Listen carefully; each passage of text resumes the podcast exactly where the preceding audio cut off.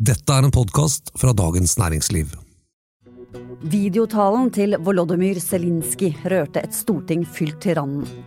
Og Arbeiderpartiet klamrer seg fast nederst på 20-tallet. Hvorfor vinner ikke Jonas Gahr Støre på krigen? Dette er den politiske situasjonen. En podkast fra Dagens Næringsliv med kommentator Eva Grinde og politisk redaktør Fridtjof Jacobsen.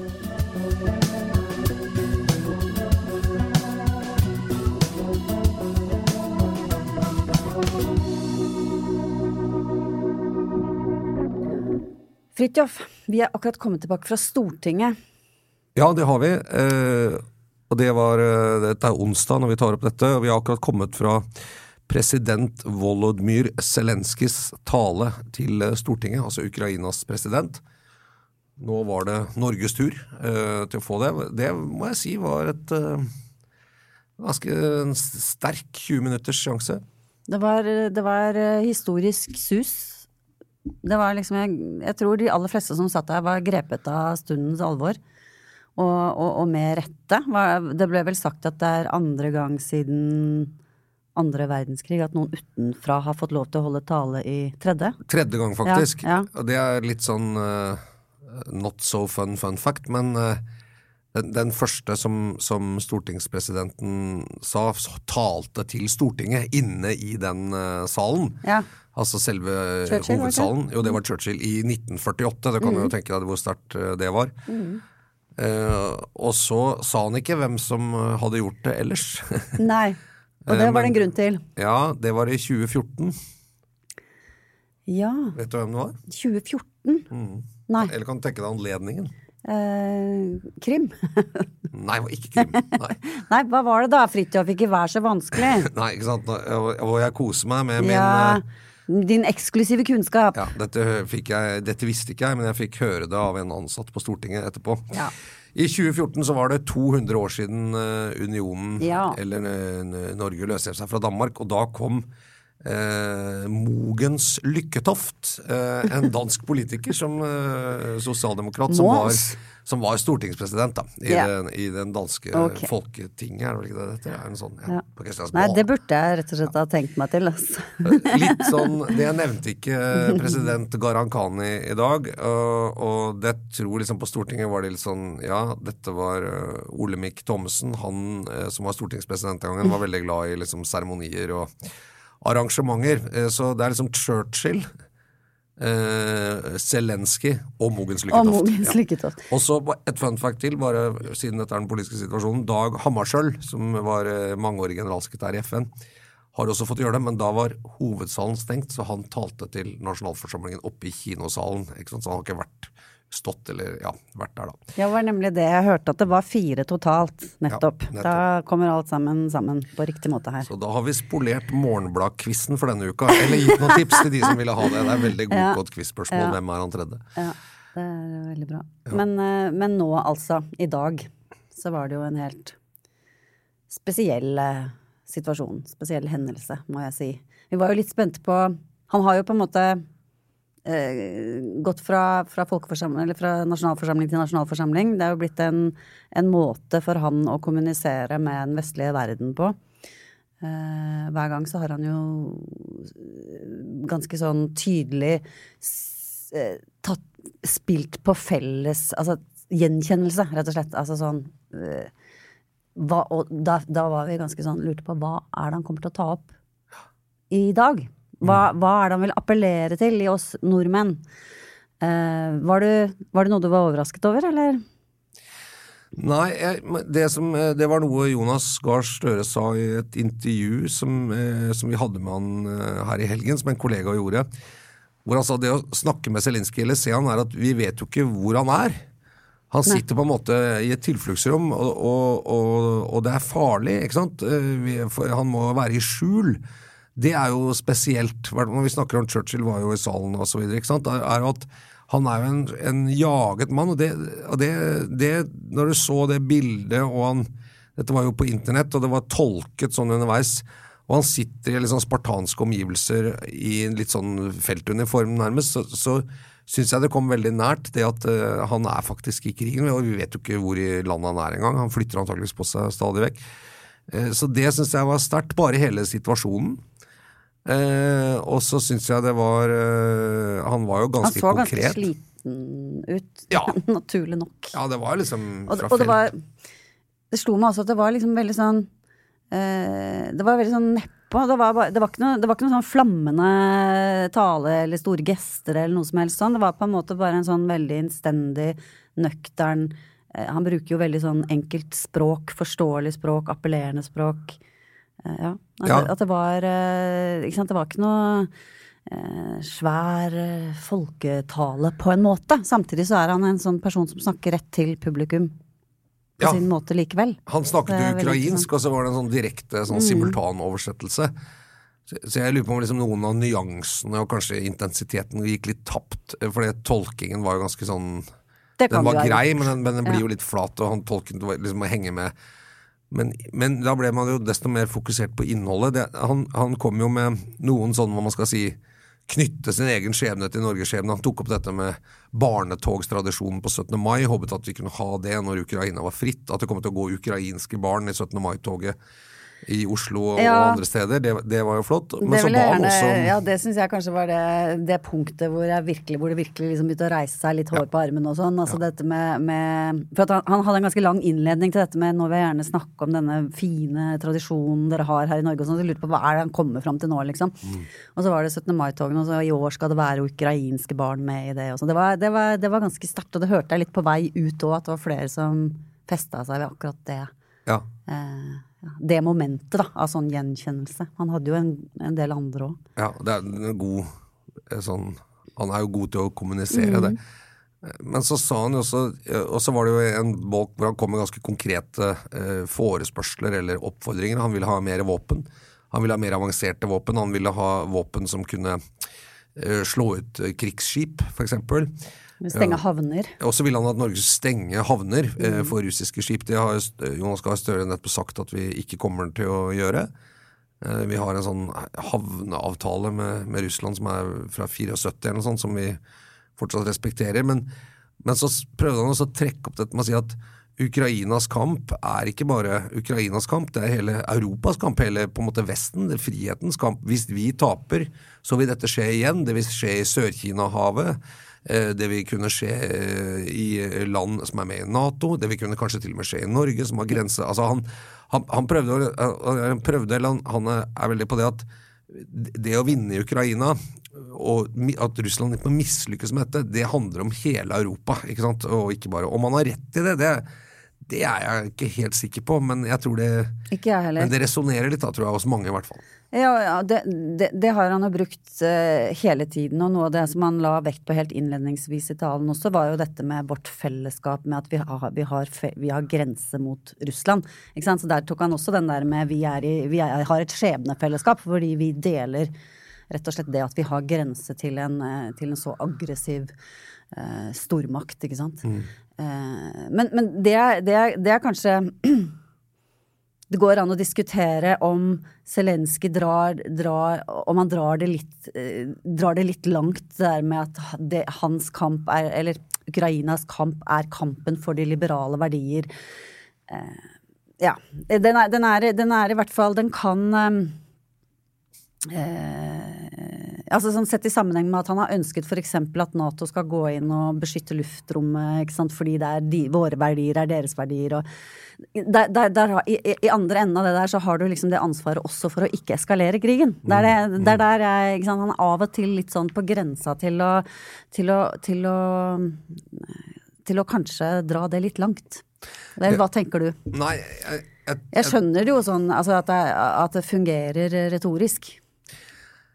Jeg, tror jeg tenker at hans, hans oppgave er jo Han svarer til det ukrainske folket, og, og på, forventes at han vil prøve alt og gjøre alt for å rett og slett hive russerne ut, og at de skal kunne skade landet, og både drepe mennesker og ødelegge landet minst mulig. Eh, Og da, da vil liksom den storpolitiske konsekvensene eller sånn, det, det, det er nok ikke helt Zelenskyjs ansvar. Han har på en måte bare et ansvar for Ukraina i hva han ber om. An ansvaret for at dette ikke eskalerer, sånn, det ligger jo hos andre. Det ligger jo faktisk i hva eh, Ja. Nato, USA og vi sånn gjør eh, og ikke gjør. Og det er der Det er liksom både òg, syns jeg. For at det, han eh, Det har jo noe å si også for ukrainerne om verden eh, bryter ut i en, en ordentlig storkrig. Ikke sant? Sånn at det, det er jo ikke Du kan ikke bare si at det, det eneste du Ja. Nei, det, det? Det, det, er ikke noe, det, er ikke noe, det er ikke noe løsning for han heller, det. Eller for ukrainerne. Nei, det, det er jeg enig i, men, jeg skjønner samtidig Ja. på en måte at, eh, at uh, han eh, tenker at ok, min oppgave er å stå på gassen. Jeg vet at jeg ikke får alt jeg ber om, men jeg vil stå på gassen hele tiden. Uh, og, så, og så kanskje det kan gjøre at jeg kan få litt mer. Det, jeg- det jeg er litt usikker på med denne krigen og støtten fra Vesten, jo lenger den trekker ut, er Hittil så, så er det jo det første sant, Et lite land blir angrepet av et stort land. Eh, et land som søker frihet, blir angrepet av Putin. og sånn. Det er veldig lett eh, at vi sympatiserer, og med rette, mener jeg, med, med, med Ukraina og det ukrainske folket her. Eh, og så ønsker man å gjøre noe med det, men, men hittil har jo kostnaden, altså den direkte kostnaden ved å stille opp for Ukraina på den måten vi gjør nå, er jo ikke sånn enorm for oss. Risikoen er ikke så stor. Eh, og det, det er ikke så mye vi Ja, vi Det litt militærgreier og sånn, men altså det, var, ja, det har skjedd mye på de ukene. Altså den, de, de to første ukene øh, opp, føltes ganske annerledes enn nå når det gjelder det å være med og ta risiko. For eksempel hele diskusjonen skal Norge gå bort fra sin tradisjon med å ikke øh, sende våpen til, til land i krig. ja, det har vi gjort. Og den, ja, og den type ting. Jo, så kom den diskusjonen at hvis vi gjør det, så har han eh, folkeretten på sin side til å si at vi er innblandet Altså, det var en helt annen sånn, hva skal vi si, dra, eh, dramatisk faktor, da, de første par ukene. Men allerede nå så er jo så er det vi over en annen fase. Ja, for nå er det sånn Ja, det, det gikk, vi kunne sende våpen, og sendte vi flere våpen. Det, ja, det var ikke noe problem. Vi har sendt i hvert fall ikke 4000 Nei, det tror jeg ikke det, det, tror jeg ikke det blir heller. Men, men, men poenget er at hvis ikke det vi gjør nå, er nok Altså Hvis vi må gjøre mer for at da Putin og Russland ikke skal lykkes med å ta Ukraina, hvis det faktisk krever mer, hvis det krever mer innsats, hvis det ikke holder på en måte bare å klappe og sende noe våpen og, og ta imot flyktninger og sånn, hvis vi og må faktisk gjøre noe mer. Og ganske heftige sanksjoner. Altså det, det ja, er ja, og sanksjoner, selvfølgelig. Men hvis, vi ikke, hvis ikke det holder, Ja. hvis, hvis vi må gjøre mer, f.eks. med militært, så tror jeg man begynner å nærme seg en helt annen kalkyle. ikke sant? Altså, hvor, hvor langt strekker vår identifikasjon med det ukrainske folket seg? Liksom? Hvor mye er vi faktisk villige til å ta sjansen på å ofre eh, for at Ukraina skal lykkes da med å slå tilbake den russiske invasjonen? Ja, den, det tror jeg ikke er så veldig mye mer enn i dag, tror jeg jeg kan si. Det tror jeg ikke. Hva tror du? Nei, men, men da tror jeg det ligger veldig bak der at eh, nettopp at det er såpass risikabelt også. Altså med, med en eskalering. Og um, hvis det hadde handlet om å, å bidra med mer våpen eller uh, og ikke, ikke utsette seg selv for, for fare, da. For, så hadde kanskje viljen strukket seg lenger. Men, men, det, men hele den ja, trusselen om, om at, det, at det skal utvide seg til en storkrig og en eventuelt tredje verdenskrig osv., den, ligger jo- den ligger jo under denne konflikten på en helt annen måte enn veldig mange andre konflikter. Ja, den, den storkrigstrusselen den, eh, Atomkrig er én ting, det, det er selvfølgelig veldig farlig. Men en storkrig eh, Ja, altså en storkrig Hva da mellom Russland og Nato? Vi, vi, Russland eh, har brukt 200 000 soldater, og, og de er ikke i nærheten av å oppnå det de vil i Ukraina. Altså, er en sånn konvensjonell storkrig Det er bare én stor part i en sånn krig, hvis det blir med Nato. Det er Nato. Russland er ikke noen stor eh, militærmakt. Det, altså, det har vi sett. Det er jo atomvåpen og sånn. Jeg tenker på atomvåpen Ja. når jeg Og det sier er noe annet. Ja, det er noe annet. Så, så det er litt sånn Altså klasjer mellom Nato og Russland, da. Det vil vi ikke ha. Nei. Men, Så, men så sier Zelenskyj interessant nok at hvis dere ikke gjør nok for å stoppe dette, og, liksom, og på en måte knuse denne russiske forståelsen at de kan bruke militærmakt for å oppnå sine mål, så vil de bare gjøre det igjen og igjen og igjen. Og da vil det jo en dag til slutt gå gærent. Eh, og det, det er liksom Men hvis alle går med i, i den prosessen med å knuse Russland, så hva, what's the point? Nei, ja, nei altså, altså hvis verden liksom ikke eksisterer. Men, men, eh, men, men er, han, jeg tror han er inne på et eller annet som må vurderes, er at vi, vi vet veldig godt hva kostnaden og risikoen er hvis man skal skalere eller trappe opp en slags militær innsats eh, mot Russland i Ukraina, og være noe mer direkte involvert, f.eks. med en flyforbudssone eller den type ting. Men hva er risikoen ved å ikke gjøre det, hvis da Russland vinner? Hva er risikoen da? Det er jo en uh, krevende vurdering. det er en veldig krevende vurdering. Så derfor, så er hele, eh, derfor er det et veldig viktig spørsmål som jeg håper kloke mennesker med handlekraft og mulighet til å påvirke situasjonen tenker på. Fins det veier ut som er levelige? Uh, og jeg, jeg syns heller ikke det er Altså for, for Putin, for Russland er, Jeg syns det er uh, det er dessverre ganske sannsynlig at vi skal leve med et Russland også etter denne konflikten. Sånn som eh, Janne Haaland Matlari blant annet har vært inne på i, i, i innlegg hos oss. Eh, litt sånn som en reaksjon til dette med som Joe Biden gikk ut og sa liksom Vi kan ikke vi kan ikke leve med det regimet. Okay. Men han han jo helt rett i. Ja, men han har jo på en måte rett i det. Men hva skal han gjøre med det? Hvorfor kunne han ikke si det? Det, det syns jeg var litt sånn eh, Nei, det syns jeg, jeg, er veldig dumt å si. Altså med Putin? Veldig lite realistisk. Nei, det syns ikke jeg.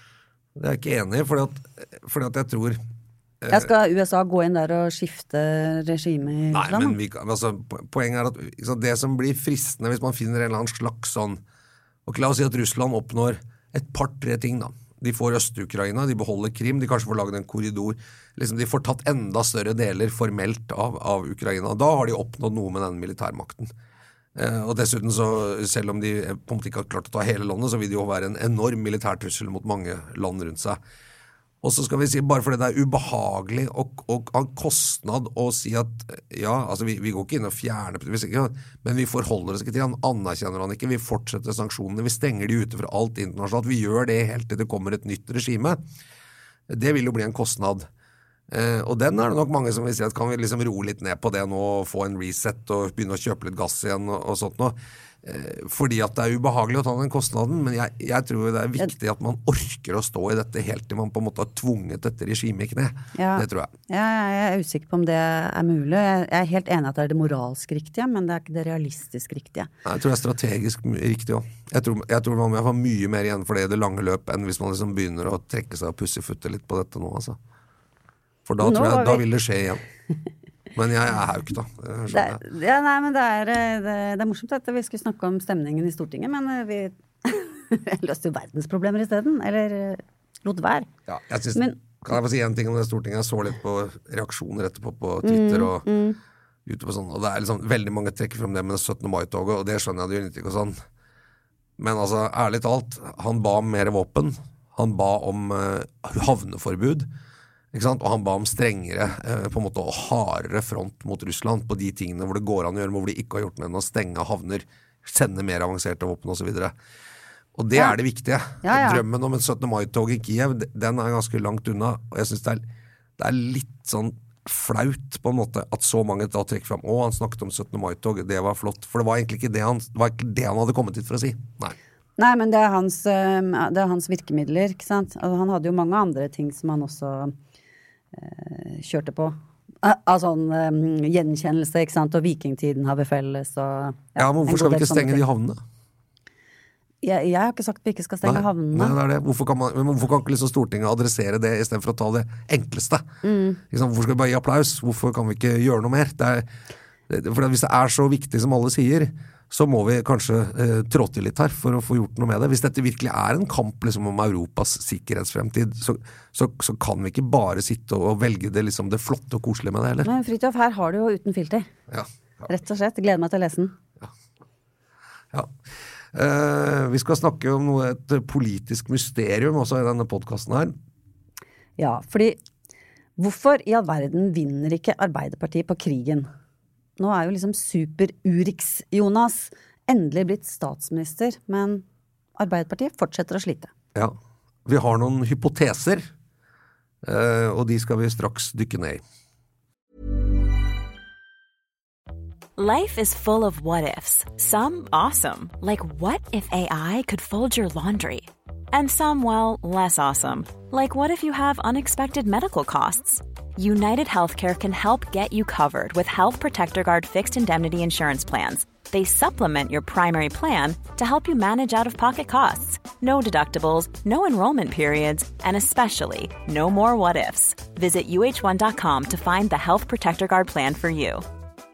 Hey, I'm Ryan Reynolds. Recently, I asked Mint Mobile's legal team if big wireless companies are allowed to raise prices due to inflation. They said yes. And then when I asked if raising prices technically violates those onerous two year contracts, they said, What the f are you talking about, you insane Hollywood ass?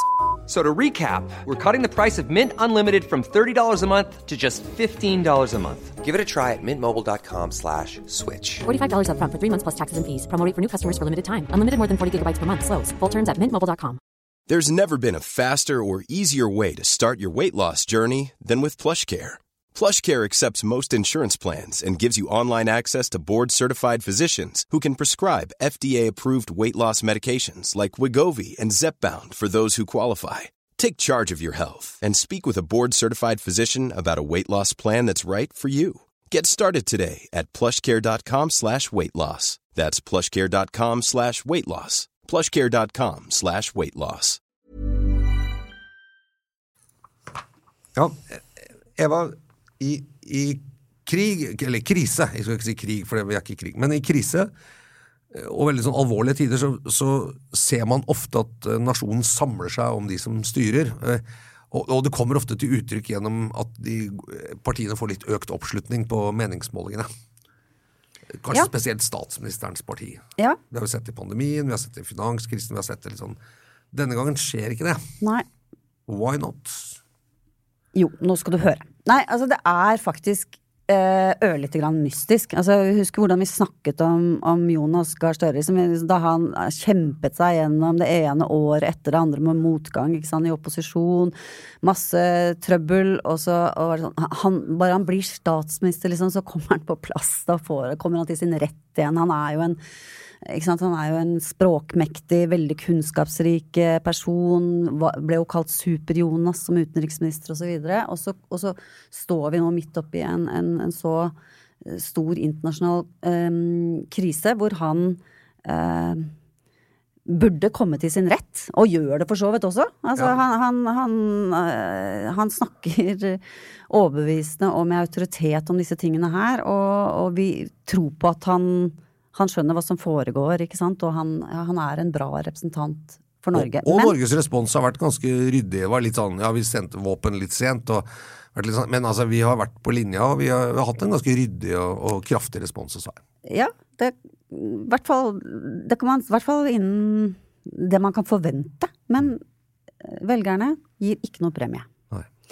Så hva er hypotesen? Eh, Hva er hypotesen? Ja, nei, altså, litt, en hypotese, da. Det kan være at um, Jonas er en litt sånn um, vag uh, Altså når det kommer til hva skal vi gjøre, uh, hva skal vi stå for i denne, i denne konflikten, så kan han fremstå litt vag. Og så hadde du Ine Marie Eriksen Søreide fra Høyre, tidligere utenriksminister, var veldig sånn klar og konfronterende på banen tidlig.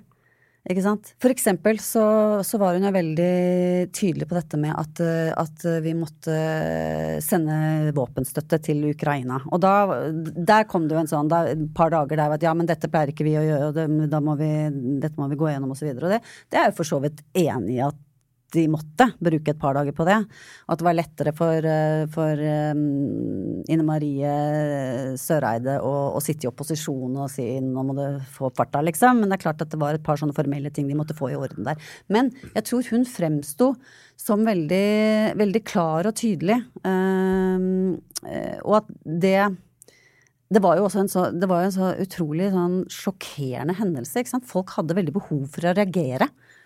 Eh, det kan ha skjedd noe, noe der. Men hvor, vagheten, hvor er vagheten, eller det søkende, eller Altså at han var Han var for måtte få søkende, Regjeringen var ikke resolutt nok når det kom, og så kom det en annen politiker som var sånn Å ja, sånn skulle man gjort Ja, det. akkurat det, i litt det ja. spørsmålet her så syns jeg det fremsto litt sånn, og at det kan eh, og at, eh, ja, for det, det vi også ser, er jo at opposisjonspartiet Høyre går jo fram nå, Mm, ikke sant? Mm, eh, mens statsministeren som liksom står Det er litt samme utvikling som var før, før krigen, da.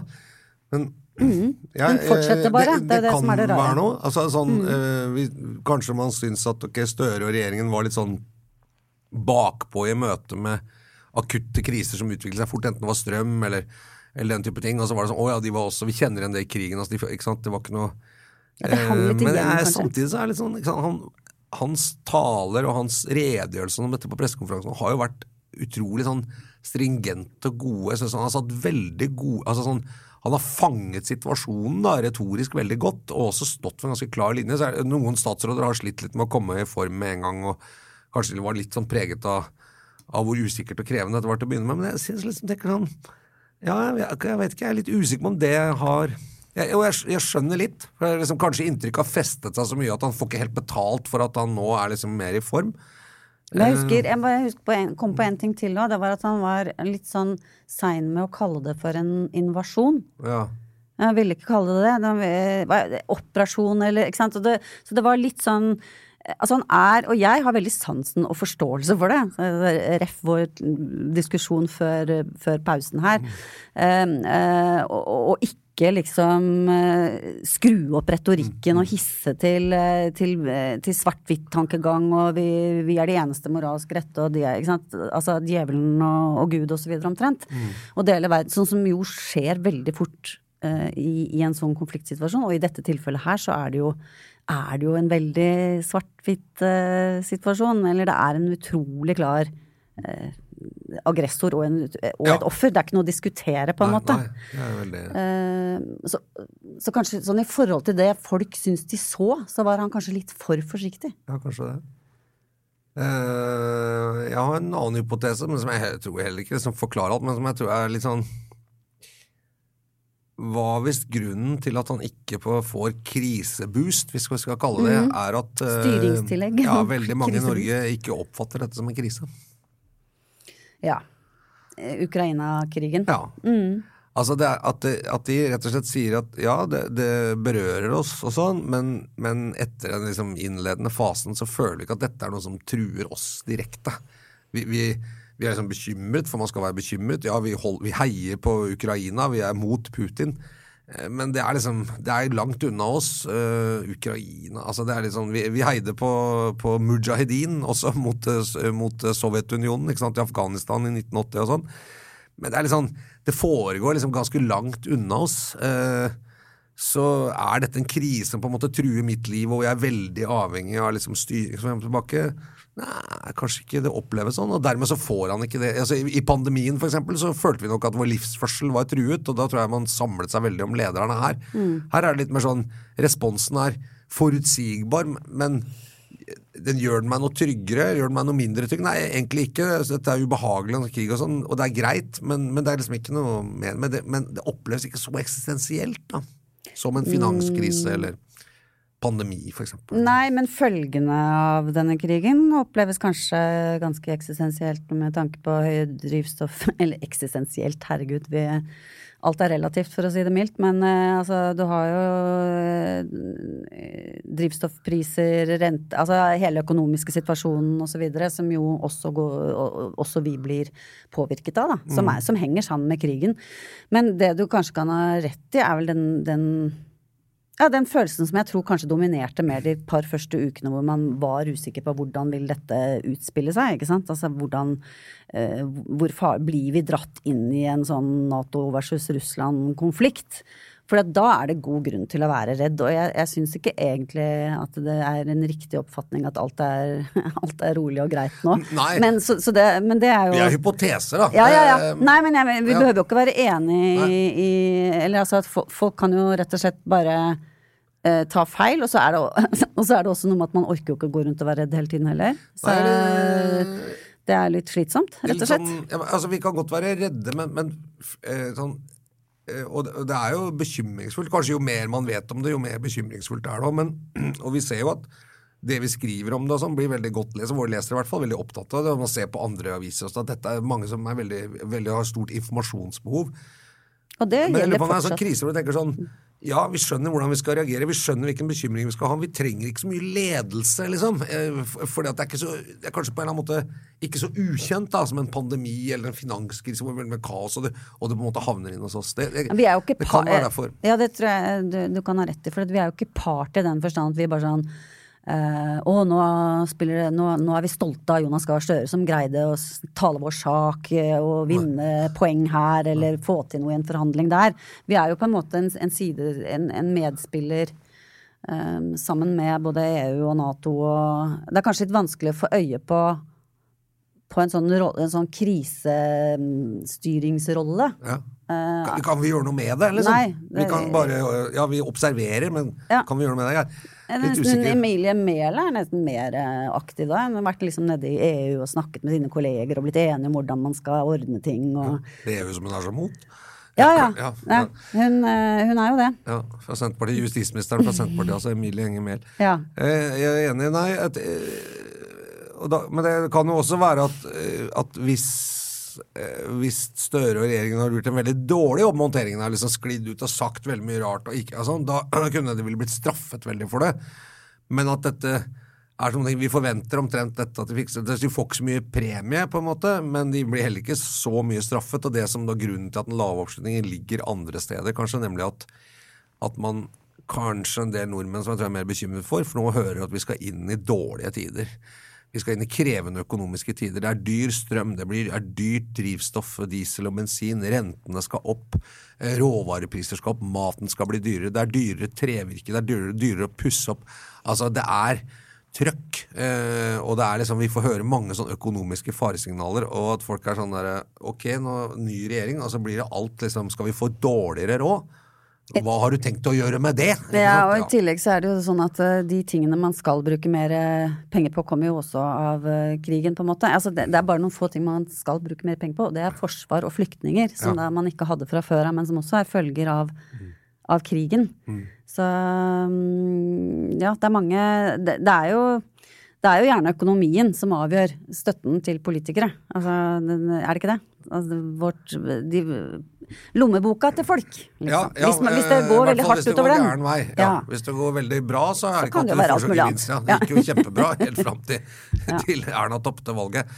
Men det er ikke hennes fortjeneste, altså, bare det. Men, men, altså, men det er i hvert fall jeg, jeg er litt spent på hvordan det virker. Eh, noen ganger så kan det også bety oppslutninger til liksom fornuftige eh, økonomisk eh, liksom, eh, sånn trygg økonomisk styring i vanskelige tider osv. Men, eh, men den, den, den utviklingen der, hvordan da høyere rente, høye priser, høy, altså hvordan det vil innvirke politisk, det, det er en spennende ting å følge med på resten av dette året, tror jeg. Ja, altså, eh, altså, det er en ting til som jeg også tror ikke er heldig for eh, regjeringspartiene, og det er, det er de motsetningene man ser vokse fram mellom Senterpartiet og Arbeiderpartiet, f.eks. på eh, drivstoffpriser, ikke sant. Altså, der har du et instinkt i Senterpartiet som sier dette må vi, her må vi gjøre noe for vanlige folk og bilen deres på land osv. Og, så og så er det Jonas Gahr Støre som, som går jo ut og sier i går eller tirsdag, tirsdag denne uka her eh, at det It won't happen. Eh, ikke sant? Og da blir man sånn Dette er ganske sånn grunnleggende problem. Og så har du også den andre som har vært eh, denne uka med klimamålene, ikke sant, hvor Senterpartiet, Marit Arnstad, eh, parlamentarisk leder i Senterpartiet, var vel ute på radioen og sa at det er ikke så nøye med disse klimamålene at vi når dem innen 2030 hvis det viser seg å bli altfor vanskelig. Kanskje vi kan måle nå det litt seinere. Kanskje vi tar det litt seinere og sånn. Sånn er det jo. Og så har du liksom Vedum som er ute og sagt at vi har sagt hele tiden at målet vårt er jo det, sant. Og så Espen Barth Eide, klimaministeren, Det er litt strekk i laget der. som går og sier noe ganske annet. ja. Og så sier det, det, var litt interessant, for da sa Vedum men det er jo jobben hans, han skal jo jobbe for å liksom så Plutselig så er man liksom sånn ambassadører inn i regjeringen, det spiller ingen rolle. Nei, så, så det er noen sånne vonde greier der som også kanskje gjør at man ikke er så begeistra for regjeringen, da. Nei, og det gjør jo for en statsminister så blir jo da, da blir jo, Hvis det er strid om enkelte ting, så er det litt vanskelig å tale klart. For at det, plutselig så må du det, det du sier, det må helst bli sånn. Det kan Ja. ikke ikke bli sånn da etterpå, for da ser du jo og så videre. Så det kan også være litt begrensende. Så er det best å ikke si noen ting. Ja. Gammelt godt triks fra ja. Jonas Gahr Ja, Støre. ikke sant, ja. Eh, men eh, hvis eh, saken da har tittelen på en måte Jonas Gahr Støre klarer ikke, liksom, får ikke noe, får ikke noe oppslu økt oppslutning av, av krigen, hva er ingressen i det, da? Som liksom summerer opp hvorfor? Hvorfor, ja? Eller hva ville vært ingressen?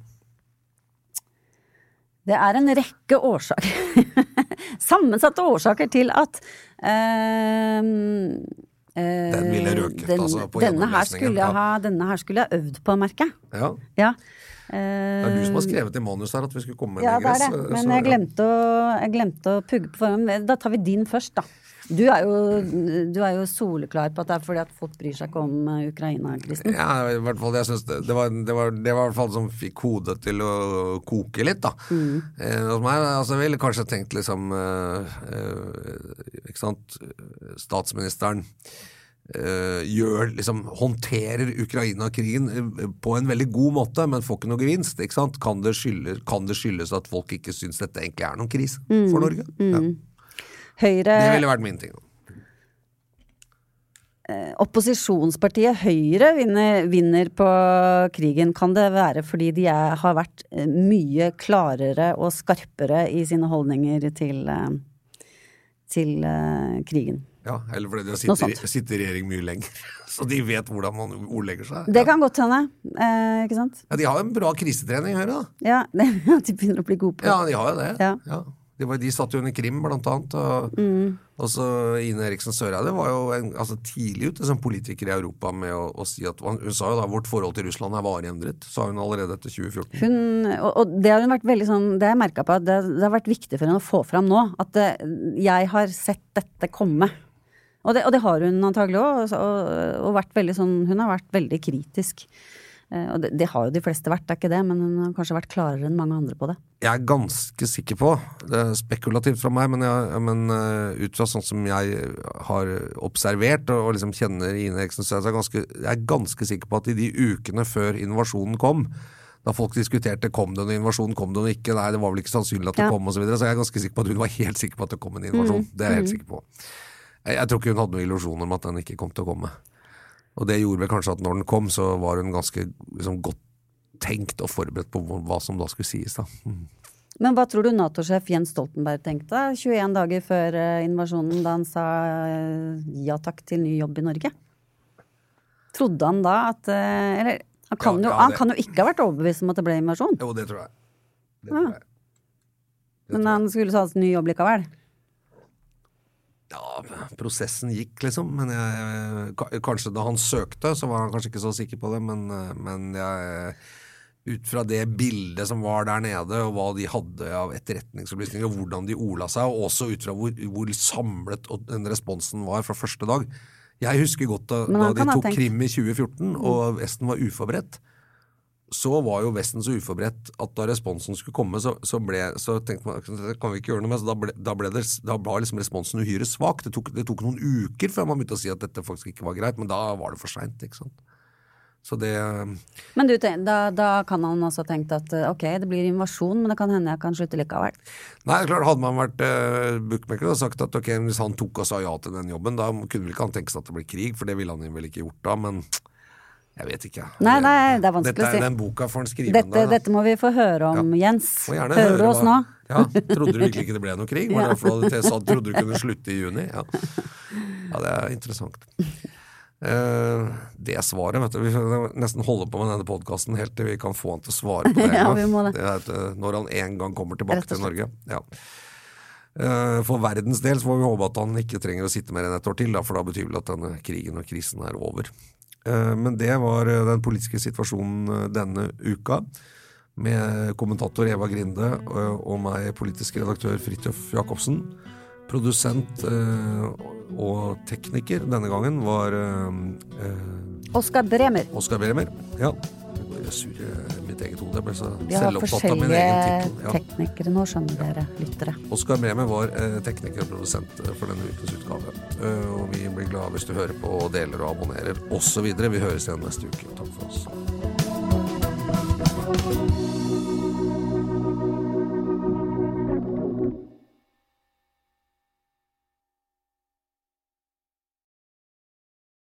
Du har nå hørt en podkast fra Dagens Næringsliv.